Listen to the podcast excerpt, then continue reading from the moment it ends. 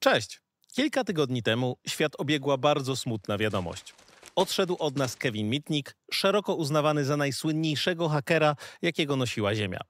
Pomyślałem więc, że pożegnam go, przybliżając wam nieco jego życiorys.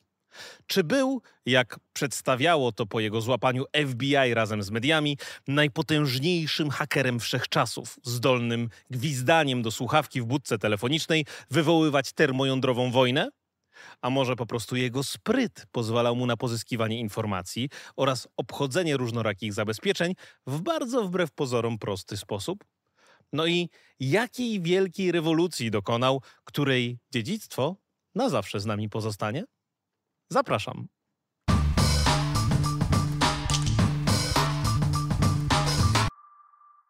Kevin Mitnick dorastał w czasach niesamowitego rozwoju technologii, w szczególności komputerowych oraz telekomunikacyjnych. Ale początki jego hakerskiej przygody były bardzo analogowe.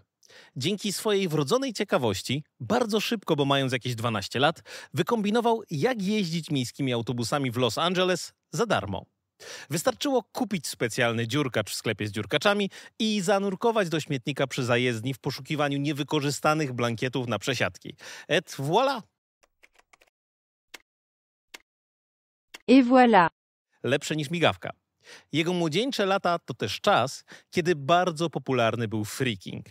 Co to takiego? To sposób hakowania analogowych sieci telefonicznych starego typu.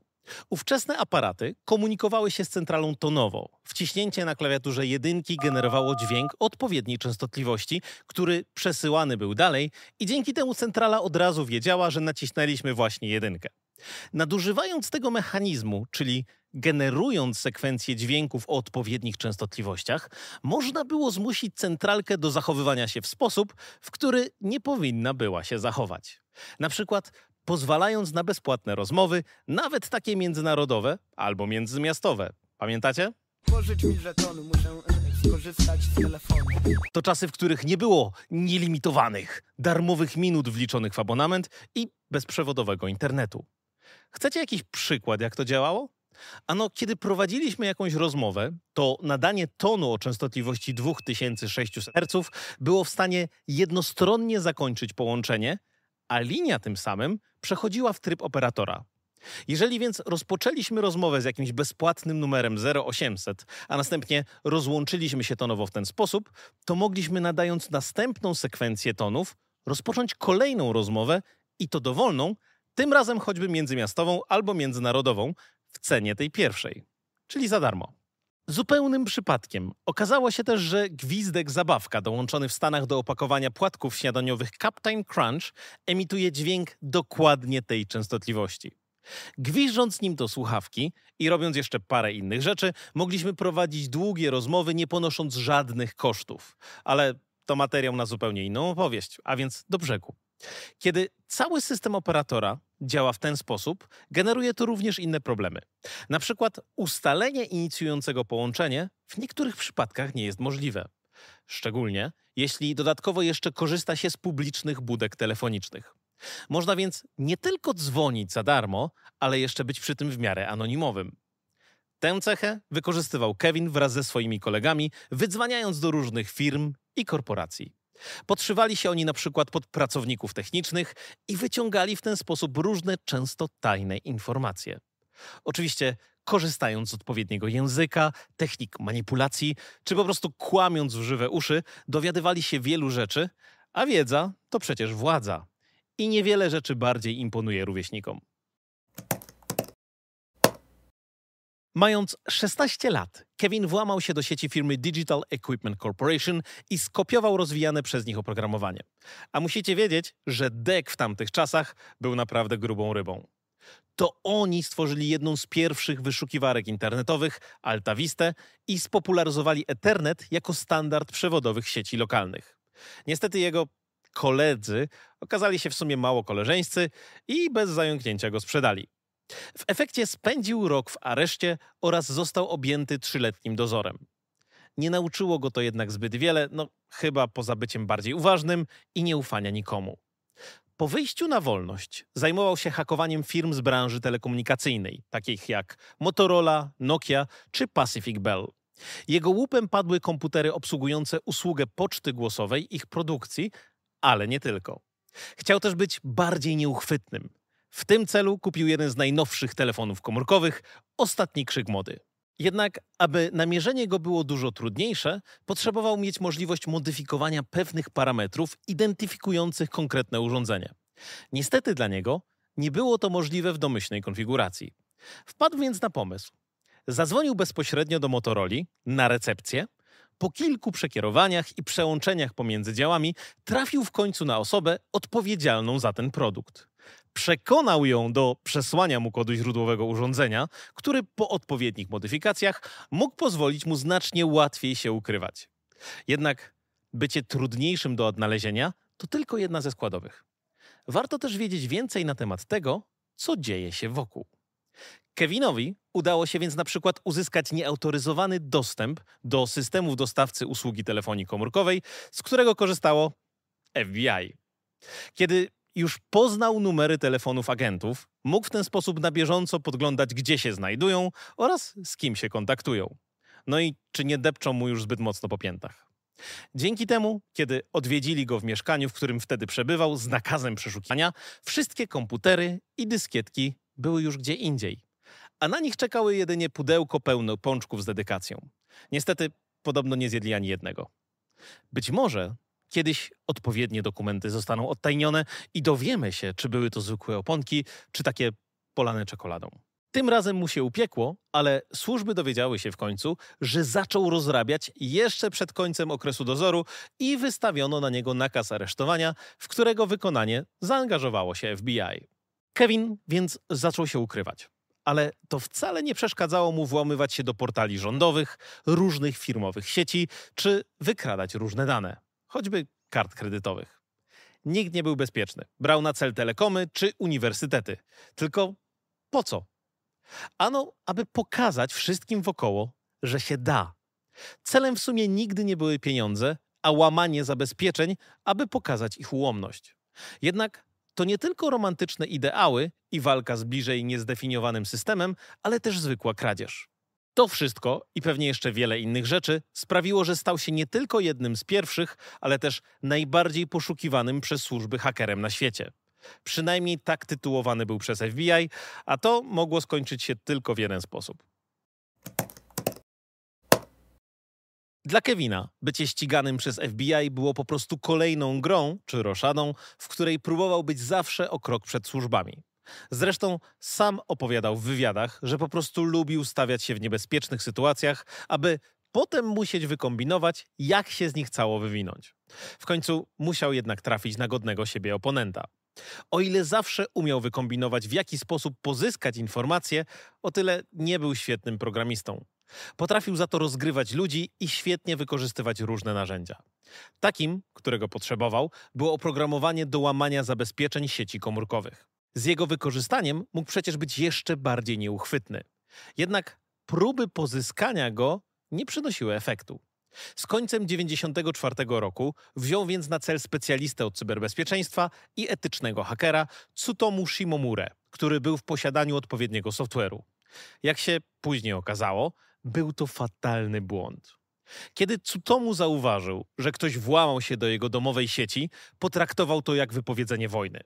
Cóż, obie strony postanowiły opisać w książkach swoje wersje tych wydarzeń i chyba nikt nie jest zaskoczony, że znacznie się one od siebie różnią. Shimomura na przykład twierdzi, że Kevin zepsuł mu dwa zaplanowane narciarskie urlopy, a to straszna zniewaga. Kevin za to uważał opisaną historię za w dużej mierze zmyśloną i pokolorowaną przez edytora. Jak było naprawdę? Tego pewnie nigdy się nie dowiemy, ale efektem krucjaty Cutomu było pozyskanie informacji, które przekazane służbom doprowadziły w końcu do zatrzymania naszego dzisiejszego bohatera, jak choćby miejsce jego przebywania w Raleigh w północnej Karolinie, z której łączył się do sieci komórkowej. To był koniec. Kevin wpadł w ręce służb. Jedną z konsekwencji jego aresztowania była szeroka kampania środowiska hakerskiego pod tytułem Free Kevin. Dlaczego? Bo prawo po raz kolejny nie nadążało za rozwojem technologii. Protestujący rozdawali m.in. żółte wlepki na zderzaki czy ulotki próbujące uświadamiać społeczeństwo, że FBI ma pewnie ważniejsze problemy do rozwiązania niż łapanie gościa, który po prostu lubi sprawdzać, czy się da. Ale nie skończyło się na ulotkach. Schakowano m.in. główną stronę Yahoo, domagając się uwolnienia aresztowanego. Pojawiła się tam też informacja, że każdy, kto ją odwiedził w poprzedzających akcję tygodniach, został zainfekowany złośliwym oprogramowaniem. Komputery ofiar miały ulec spektakularnemu zniszczeniu w święta Bożego Narodzenia. Nie będziecie pewnie zaskoczeni, że nic takiego się nie stało. Cała akcja była na tyle szeroka i popularna w mainstreamowych mediach, że doczekała się nawet nawiązań do siebie w popkulturze. W trzeciej odsłonie Grand Theft Auto, tak tej pierwszej trójwymiarowej, do jednej ze stacji radiowych w grze dzwonił słuchacz, krzycząc właśnie Free Kevin! Od ciekawostka. Amerykański wymiar sprawiedliwości pozostawał jednak nieugięty. W końcu w 1999 roku Kevin przyznał się do stawianych mu zarzutów. Wyrok? 46 miesięcy więzienia za oszustwa komputerowe i bankowe oraz podsłuchiwanie cudzej komunikacji. Dodatkowe 22 miesiące wpadły też za naruszenie warunków poprzedniego zwolnienia z aresztu. Jeszcze przed zapadnięciem wyroku odsiedział 4,5 roku, w tym sporo czasu w izolatce bez dostępu chociażby do telefonu. Dlaczego? Bo służby przekonały sąd, że mógłby właśnie zwykłym, stacjonarnym telefonem wywołać wojnę termojądrową. Tym samym stał się chyba najniebezpieczniejszym człowiekiem na całym świecie. Przynajmniej zdaniem służb albo mediów. W sumie to chyba bardziej mediów poszukujących kolejnych sensacyjnych nagłówków. Z początkiem roku 2000 wychodzi w końcu na wolność, jednak pod licznymi warunkami. Ma zakaz korzystania z jakichkolwiek urządzeń elektronicznych, no może poza tym nieszczęsnym stacjonarnym telefonem. Pewnie amerykański Departament Obrony w międzyczasie poprawił swoje zabezpieczenia, dzięki czemu wystrzeliwanie pocisków międzykontynentalnych nie było już możliwe z budki telefonicznej na każdym rogu. Mam nadzieję, że to jest oczywiste, ale dla spokoju sumienia, mojego sumienia, muszę to powiedzieć. Nigdy nie dało się tego zrobić, ok? Nie wolno mu też było zarabiać na sprzedaży własnej historii. Tak w mediach, jak i choćby pisanych książkach czy filmach, i to przez okres siedmiu lat. Jak więc miał się utrzymać? Cóż, okazuje się, że rozwiązanie było bardzo proste. Wystarczyło przejść na jasną stronę mocy. Chociaż w sumie wielu będzie się jeszcze kłóciło, czy po tej ciemnej stronie w ogóle kiedyś stał. Kradł jednak choćby dane różnych firm warte wiele milionów dolarów, które do niego nie należały, a to jedynie wierzchołek góry lodowej. Ta granica między ciekawością a wykonaniem jednego kroku zbyt daleko w świecie cyberbezpieczeństwa jest czasami bardzo trudna do wyznaczenia. Szczególnie, że prawo potrafi znacznie różnić się pomiędzy krajami. Nawet kiedy intencje są szczere, i nie robimy tego dla osiągnięcia materialnych korzyści, to konsekwencje naszych działań mogą wcale nie być w pełni pozytywne. Kevin często podkreślał, że narobił wiele głupot w młodości. Kiedy więc odzyskał wolność, zajął się doradzaniem, pentestami oraz występował publicznie edukując w bezpiecznikowych tematach. Zresztą nie tylko szeroką publikę, ale również, o ironio, jednostki federalne. Założył też własną firmę z branży cyberbezpieczeństwa oraz z kilkoma współpracował. Co w sumie dość ciekawe, a nawet nieco ironiczne, dopiero po wyjściu z więzienia Kevin zaczyna zajmować się łamaniem i obchodzeniem zabezpieczeń dla pieniędzy. Podkreślmy, po dobrej stronie mocy. Wcześniej zarabianie na tym nigdy nie było jego celem. Powstaje Mitnick Security Consulting, które ma na celu pomaganie biznesom w odnajdywaniu podatności w ich systemach i procesach, aby nie stawali się łatwymi celami dla hakerów. I nie chodzi tu o jakieś płotki, o nie. Nazwisko Mitnick od tej pory otwiera wiele drzwi, w tym takie do tych najbogatszych firm z listy Fortune 500. Zaczyna też współpracę z paroma firmami z branży. Zresztą nie ma do nich daleko, nawet geograficznie, bo po wyjściu na wolność zamieszkał w Las Vegas, mekce konferencji cyberbezpieczeństwa, Defcona i Black Hata. To tam miałem okazję spotkać go osobiście i przybić po raz pierwszy piątkę w 2014 roku. To dopiero był prawdziwy celebrity crush moment. Przecież kiedy tylko za dzieciaka rodzice zamontowali w domu internet po modemie, zacząłem pochłaniać doniesienia na jego temat. Byłem pod ogromnym wrażeniem tego, jak jedynie sprytem można pokonać mury teoretycznie niemożliwe do sforsowania. Dopiero po dobrych kilku latach spędzonych w branży doceniłem, jak rewolucyjne stosował metody, oczywiście jak na swoje czasy. Niestety w lipcu tego roku Kevin nas opuścił po ponad rocznej walce z rakiem trzustki, ale jego dziedzictwo będzie z nami na zawsze. Był przecież chyba pierwszą osobą, która pokazała raczkującemu wciąż światu nowoczesnych technologii, że najsłabszym jego ogniwem jest i zawsze będzie człowiek. O ile wiedza o tym, jak działają poszczególne urządzenia, jest istotna, o tyle znajomość, w jaki sposób ktoś z nich korzysta, często okazywała się być na wagę złota. Zamiast całymi dniami i miesiącami szukać dziur i podatności i luk w niezliczonych systemach, czasem po prostu wystarczy o coś zapytać i ładnie poprosić, a ktoś nam to po prostu da. Oczywiście w odpowiedni sposób prowadząc rozmowę oraz stosując perfekcyjnie różnorakie techniki manipulacji. Umiejętność ta nazywana jest social engineeringiem, czyli po naszemu inżynierią społeczną, a Kevina można śmiało uznać za jej pioniera. Był legendą. Powstało wiele filmów w mniejszym czy większym stopniu opierających się na jego bogatym życiorysie, albo bardziej było nim inspirowanych. Dobrym przykładem jest tu choćby War Games, gdzie hakerzy włamują się do systemów obrony powietrznej USA. Kevin żałował głupot, których nawyrabiał w młodości. Cieszył się, że dostał od życia drugą szansę i może wykorzystywać swoją wiedzę pomagając ludziom. W jednej ze swoich książek, Ghost in the Wires, wprost zaprzeczył, że nigdy w hackingu nie motywowały go pieniądze, a po prostu wrodzona głęboka ciekawość, co się stanie, kiedy trochę napsoci. Porównywał to do gry w szachy, gdzie po prostu wystarczy wygrać. Nie trzeba wcale upokarzać swojego przeciwnika. Inną, The Art of Invisibility, mam nawet z odręczną dedykacją i jest rzeczą, którą bardzo sobie cenię. Legendą obrosły też jego wizytówki, które chętnie rozdawał. Wyglądem łudząco przypominają one zestaw wytrychów, co jest bardzo interesujące. Na szczęście to tylko wizytówka, bo posiadanie wytrychów jest w naszym kraju nielegalne. Wyrok, który na niego wydano, przez wielu uważany jest zdecydowanie za zbyt surowy. Szczególnie patrząc na to z perspektywy czasu. W swojej książce Kevin pisał zresztą, że tak naprawdę nie hakował nic w klasycznym znaczeniu tego słowa, a wszystko udawało mu się dzięki inżynierii społecznej. W dodatku historia opisywana przez media przypisywała mu jakieś nadludzkie zdolności i malowała jako wroga publicznego numer jeden. Co z jednej strony na pewno pomogło jego legendzie, ale też dołożyło trochę miesięcy do wyroku. To dobre miejsce, aby zadać w eter istotne dla mnie pytanie. Gdzie jest granica etycznego hakowania, a gdzie przestępstwa? Czy gdzieś wolno się włamywać? A jeżeli tak, to gdzie? A gdzie nie? Niektóre kraje, takie jak Niemcy czy Holandia, idą w tej kwestii po rozum do głowy i depenalizują etyczne hakowanie.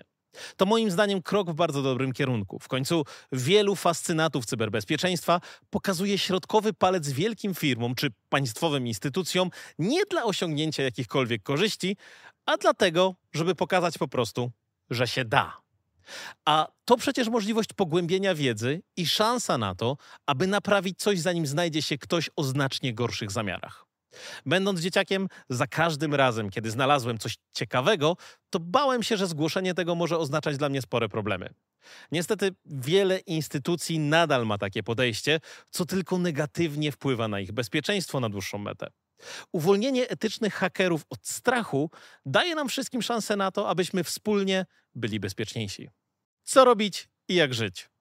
Co zaprowadziło Kevina w miejsce, w którym znalazł się w swoim życiu? Głównie ciekawość. Na jego legendzie wychowały się całe pokolenia hakerów, bezpieczników czy po prostu ludzi ciekawych świata. I to pozostanie na zawsze moim zdaniem jego największym osiągnięciem. Bądźcie ciekawi, albo nawet ciekawscy.